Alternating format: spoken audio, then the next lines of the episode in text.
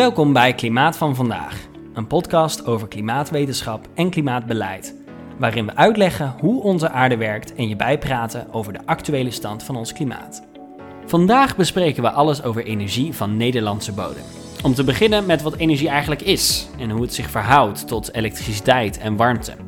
En daarna bespreken we waar onze energie in Nederland eigenlijk vandaan komt en hoe die verschillende bronnen werken.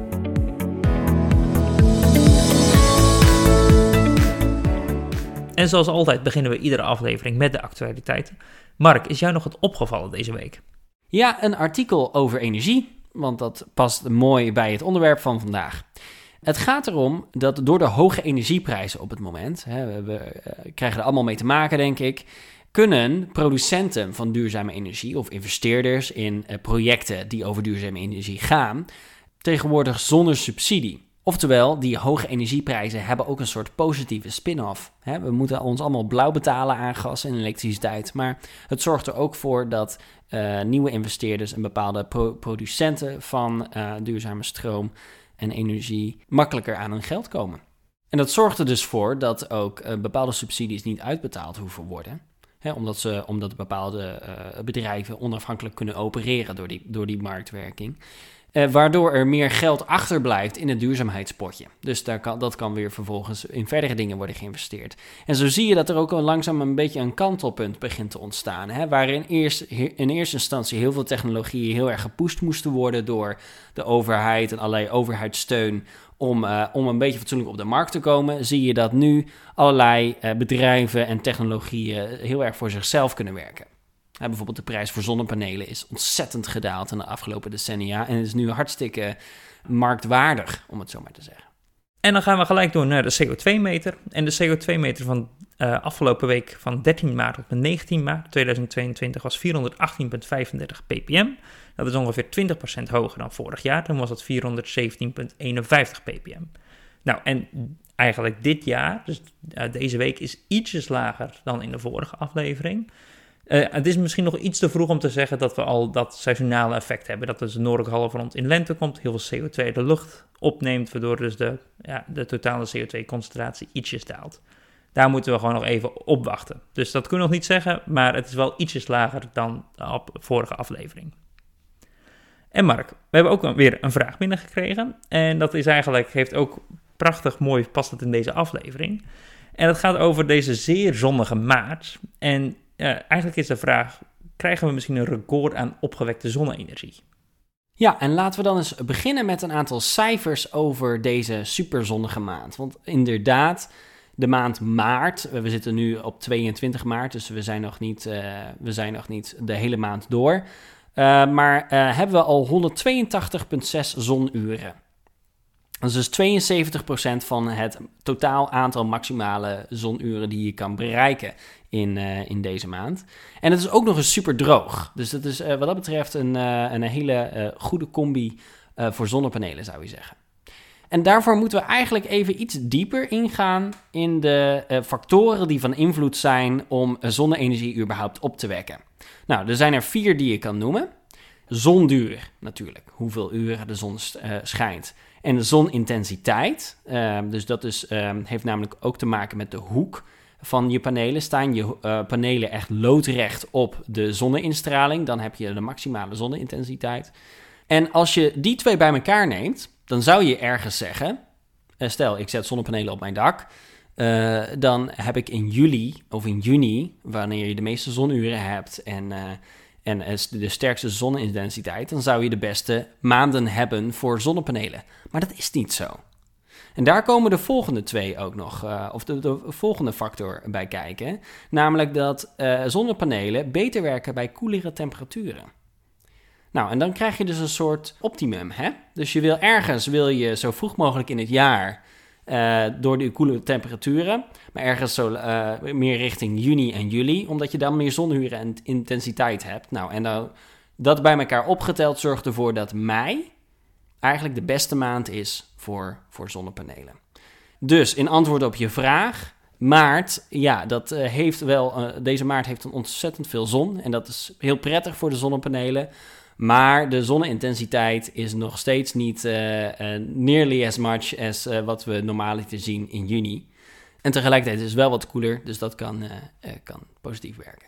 Ja, we zullen nog verder op deze vraag terugkomen wanneer heel maart 2022 klaar is. Dan zullen we even vergelijken bijvoorbeeld met mei 2020. Dan gaan we testen, zeker. Nou, en dat was de vraag. En ik stel voor door naar de podcast te gaan. En dan nu naar de podcast.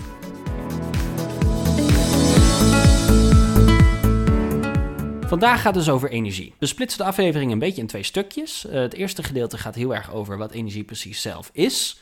Um, gaan een beetje op, op, de natuurkunde in. Niet te technisch, maar wel om het, het concept van energie een beetje te begrijpen. Want je hoort allerlei flarden waarschijnlijk langs je over elektriciteit, over warmte, over energie, over straling. Nou, dat proberen we een beetje bij elkaar te brengen. En in het tweede gedeelte van de aflevering gaan we in op Nederland. En uh, waar onze energie eigenlijk precies vandaan komt. De echte uh, energie op van Hollandse bodem. Goed, dan gaan we dus eerst in op de vraag: wat is energie? Ja, dan ga ik eerst een hele droge, ja, droge definitie geven. In, in de natuurkunde wordt ook wel eens de, ja, de definitie van energie genoemd van een bepaalde hoeveelheid uh, dat je nodig hebt aan energie om een bepaalde verplaatsing of hitte teweeg te brengen. Nou, en dan denk je van oké, ik heb helemaal niks van deze zin uh, verstaan of begrepen. Nou, dat is heel goed. We gaan het even wat meer concreet maken. Uh, we gaan nu een paar verschillende vormen eigenlijk bespreken. Nou, ik benoemen er vijf. Nou, we beginnen gewoon bij de eerste, en dat is kinetische energie. Nou, misschien kent men dit wel. Kinetische energie is dus een bepaalde hoeveelheid energie die je nodig hebt om in beweging te komen. Denk bijvoorbeeld aan sporten of aan autorijden. Nou, de tweede is thermische energie.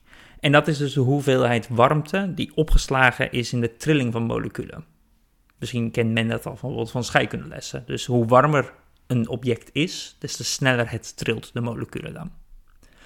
De derde is bijvoorbeeld stralingsenergie. Nou, en dan denk bijvoorbeeld aan zonlicht. Dat heeft heel veel energie. Dat zijn soort energiepakketjes die op je afkomen. Uh, een vierde, nou, deze, ik denk dat iedereen deze wel kent, dat is dus de elektrische energie. Dus dat zijn dus de beweging van elektronen. En nou, dat gebruiken wij in onze dagelijkse apparatuur, mobiele telefoons, televisies, etc. En de laatste van dit rijtje is chemische energie. En dat is dus energie die opgeslagen is in chemische stoffen. En denk bijvoorbeeld aan benzine en brandstoffen. En in al deze voorbeelden, je zou zeggen dat zijn misschien wel totaal verschillende dingen, gaat het om een hoeveelheid die ergens voor nodig is. Dus bij kinetische energie, hoeveel heb je nodig om een bepaalde beweging uit te voeren, om je hand op te steken, om een, uh, een aantal uh, kilometers te lopen. Bij thermische energie, hoeveel heb je nodig om een bepaalde temperatuur te bereiken? Um, et cetera. Dus daar, dat, dat is zeg maar de common factor. En wat dus natuurkundigen hebben gevonden, is dat de ene vorm van energie, bijvoorbeeld die energie die je nodig hebt om in beweging te komen, uh, weer omgezet kan worden in een andere vorm van energie. Bijvoorbeeld in, omgezet in warmte. Als je hebt, hebt gerend, dan heb je een hoop energie eigenlijk verbruikt uit je, uit je lichaam en omgezet in allerlei beweging. En, dat, uh, en dat, dat, dat kan zich vervolgens weer uiten en weer omzetten in warmte, in thermische energie. Dus onderzoekers hebben uh, gevonden dat al die, al die verschillende dingen, die, die vormen van energie, allemaal gelinkt met elkaar zijn.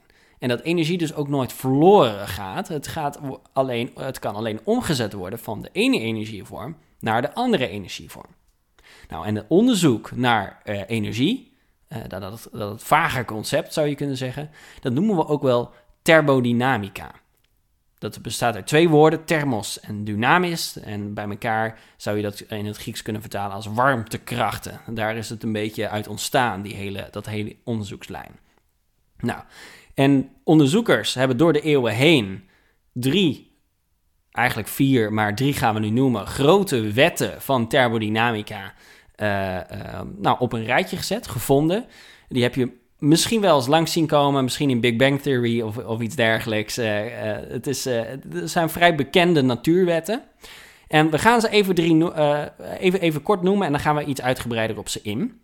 De eerste wet van thermodynamica is dat energie nooit verloren gaat. Dat is eigenlijk wat ik net al zei. Dus energie kan omgezet worden in andere energievormen. Uh, en dat gebeurt ook op bepaalde manieren. Daar komen andere wetten bij kijken. Maar het gaat nooit verloren. um, als er een bepaalde joule-energie is, dan blijft die joule-energie altijd bestaan. En de tweede wet is dat de entropie van een systeem moet altijd toenemen. Nou, entropie is een beetje een moeilijk woord, wordt ook al vaak in populaire wetenschappelijke vakbladen wordt het vaak als chaos genoemd. Nou, dat betekent, stel je voor dat jij bijvoorbeeld je huis verwarmt op één specifieke plek, die warmte verspreidt zich altijd. Die wil zich heel gelijkmatig over het hele oppervlakte verdelen. Of een andere bekende uitleg is dat wanneer jij bijvoorbeeld uh, oortjes hebt uh, om bijvoorbeeld onze podcast te luisteren en die stop je in je zak, uh, netjes eigenlijk opgevouwen en je haalt ze uit je zak, dan zijn ze altijd helemaal verstrengeld met elkaar. Oftewel, die draden die willen altijd verstrengeld een bepaalde mate van chaos bereiken. Een soort optimalisatie van chaos. Altijd heel vervelend in ieder geval. En de derde wet, we noemen hem eigenlijk, maar bespreken hem niet verder in de aflevering, is dat er een absoluut nulpunt is. Dus je kan niet onder een bepaalde temperatuur komen. En dat is min 273 graden Celsius. Dat is de koudste temperatuur dat je kan bereiken, en dan staan alle moleculen stil. We hadden het net over die verschillende vormen van energie. En wat ze allemaal verbindt, is dat we de hoeveelheid die ergens voor nodig is, voor een bepaalde beweging, of voor een bepaalde sterkte van straling, of voor uh, een bepaalde uh, temperatuur bereiken, die hoeveelheden die kan je allemaal uitdrukken op dezelfde manier. Zoals we bijvoorbeeld afstanden uitdrukken in meters. Uh, in de natuurkunde drukken we energie uit in joule, of ook wel in watturen. En dat zijn misschien eenheden die je kent. Uh, het is een beetje verwarrend dat ze door elkaar heen gebruikt worden. Ze zijn ook niet altijd één op één te vergelijken. Uh, calorieën is bijvoorbeeld ook een, uh, een, een, een, eenheid voor energie. Maar meestal als het gaat om energiecijfers, als, het gaat, als je in duurzaamheidsbeleid plaatjes kijkt of, of je eigen energieverbruik, dan wordt dat normaaliter uitgedrukt in joule of in wattuur. En uh, meestal gaat het over hele grote hoeveelheden. Dus dat is over miljoenen of nog wel veel grotere hoeveelheden gaat praten. En daarom zetten mensen er voorvoegsels voor. Dus um, kilo voor wattuur, dan krijg je dus kilowattuur. Hè, dat is misschien eentje die je kent van je elektriciteitsrekening. Uh, of zelfs mega, giga of zelfs uiteindelijk peta. Ja, en misschien even goed om uh, voor de luisteraar die geen natuurkundige is. Peta is een miljard miljoen.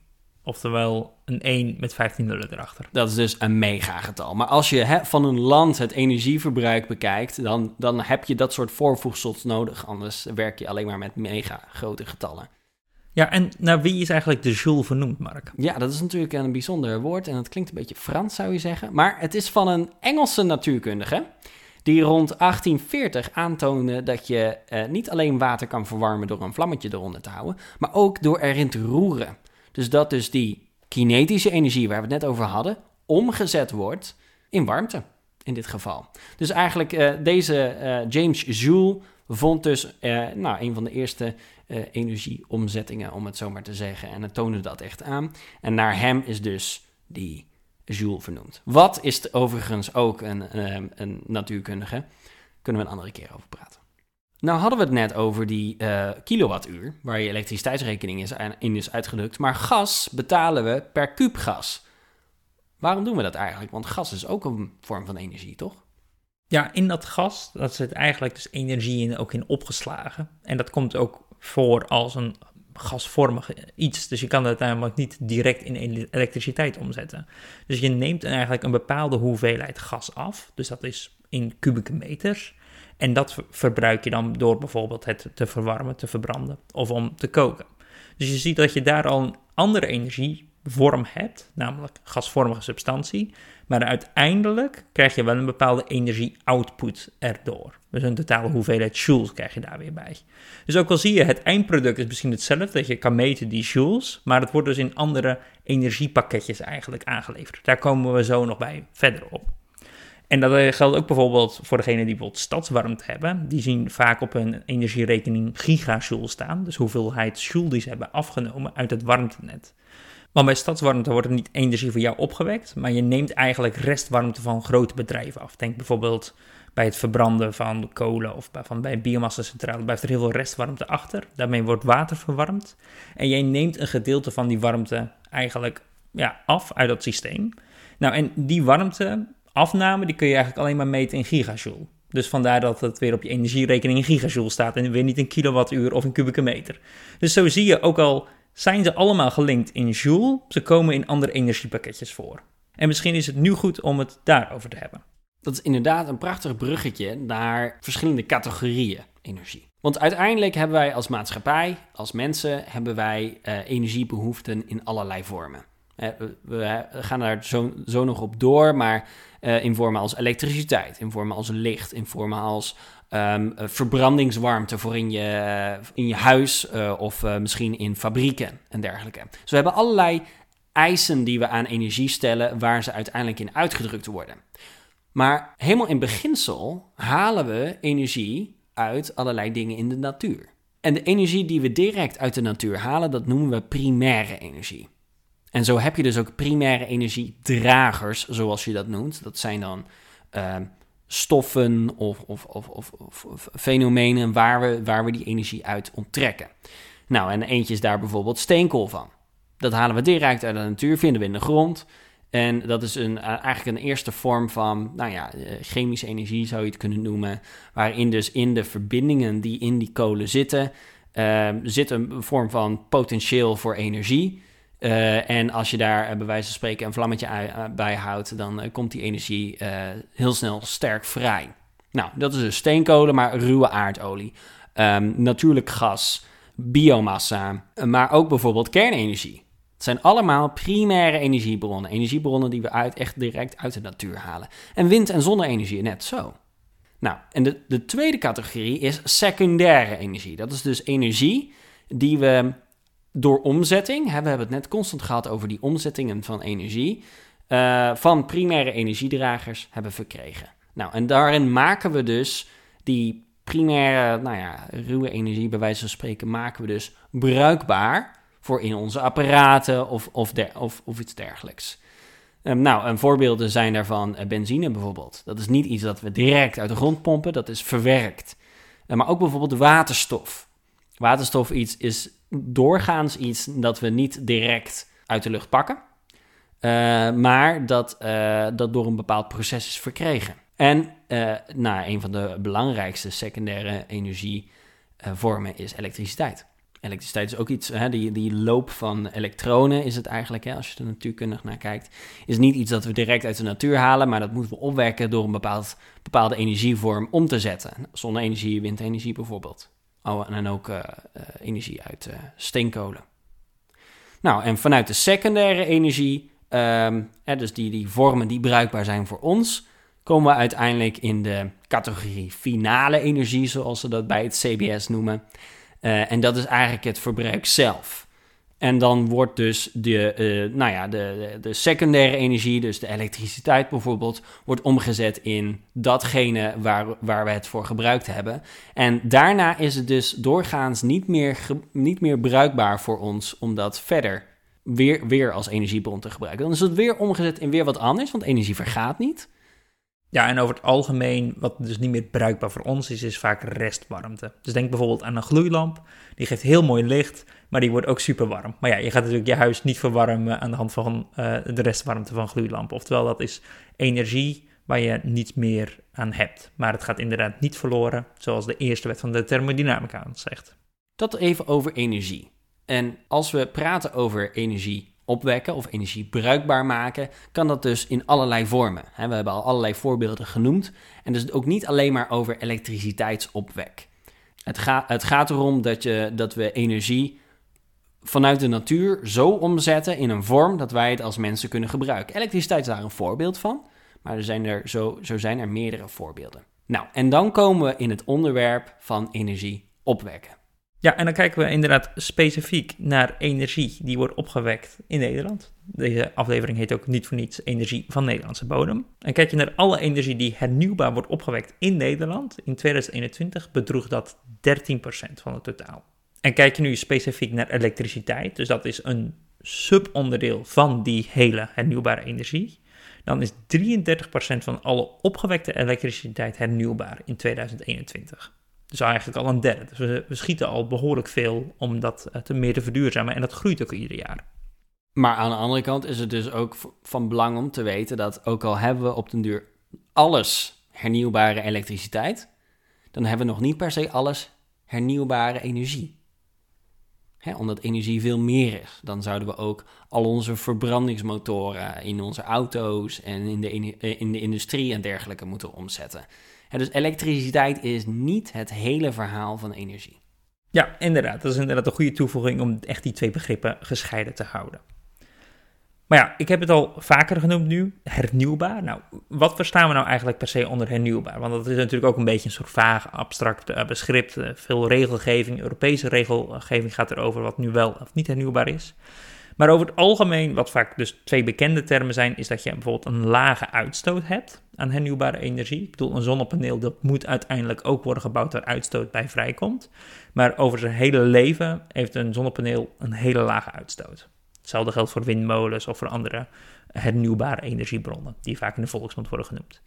En een tweede begrip wat vaak wordt gebruikt is dat het letterlijk onuitputtelijk is. Bijvoorbeeld de zon wordt als een onuitputtelijke bron gezien, omdat het altijd maar blijft schijnen. En die twee zijn dus niet per se altijd hetzelfde. Voor zonne-energie klopt dat. Het heeft een lage uitstoot en ook letterlijk gezien is het, nou, praktisch onuitputtelijk. Maar kernenergie en gascentrales zijn soms betwist. Bijvoorbeeld, er was een, eh, een paar maanden terug was er een uh, discussie over Europese subsidies. En uh, daarin wilden ze aangeven dat kernenergie vanwege zijn lage uitstoot hernieuwbaar zou zijn. Maar je kunt je afvragen of dat altijd onuitputtelijk is. En gascentrales wilden ze ook hernieuwbaar maken. Um, omdat het een relatief lage uitstoot heeft. Namelijk als je het vergelijkt met kolen bijvoorbeeld. En voor veel landen uh, zou uh, overgaan naar gascentrales ook nog echt wel een upgrade zijn in termen van duurzaamheid. Maar ook daar kun je je natuurlijk afvragen. Dat, natuurlijk gas, dat is, dat is niet onuitputtelijk. En zo is dat dus ook nog een term die af en toe betwist wordt. Maar oké, laten we nu even kijken naar hernieuwbare bronnen. En dan focussen we eerst even op elektriciteit, omdat het toch relatief een makkelijke bron is. Dus natuurlijk niet het geheel, dus puur alleen naar hernieuwbare elektriciteit. Nou, en dan heb je bijvoorbeeld een van de bekendste vormen is bijvoorbeeld windenergie op zee en land. Nou, en in Nederland uh, bedraagt dat 15,6% van de elektrische energie. Dus je zet kinetische energie van de wind, zet je om in elektrische energie. Nou, een tweede, die hebben we ook al een paar keer genoemd al gedurende de aflevering, zonne-energie. Dus je gebruikt de stralingsenergie van de zon en die wordt uiteindelijk omgezet in elektrische energie. Dus om weer die uh, fotonen en die elektronen, die worden dus uh, omgezet van de een naar de andere. En dat bedraagt ongeveer 10%. En nog een ander voorbeeld is het bijvoorbeeld het stoken van biomassa's. Dus het biomassa's centrales heb je. En dan gebruik je dus chemische energie die bijvoorbeeld in planten voorkomt. Die verbrand je, waardoor er warmte vrijkomt. Die warmte wordt gebruikt om een waterturbine aan te drijven. Dus dan gebruik je weer kinetische energie. En die kinetische energie wordt uiteindelijk omgezet in elektrische energie. Dus zo zie je dat je eigenlijk al die verschillende energiebronnen eigenlijk afgaat. Waardoor energie niet verloren gaat. Maar het wordt wel steeds omgezet in andere energievormen. En die elektriciteit, dat gebruiken wij dan weer vaak als eindgebruiker. Nou, en er zijn ook andere vormen van energie. Want nu heb ik specifiek natuurlijk naar hernieuwbare elektriciteit gekeken. Maar je hebt ook bijvoorbeeld geothermie. Dus, dus dat je uh, warmte uit de bodem op 500 of 1000 meter diepte eigenlijk naar het oppervlakte haalt om je huis mee te verwarmen. Dus dat is geen elektriciteit, maar dat is wel weer energie. Dus zo zie je ook weer dat jij op een bepaalde manier gebruik kan maken van hernieuwbare warmtebronnen. Warmtepompen zijn er een voorbeeld van, of houtkachels, die worden ook wel daarvoor gebruikt.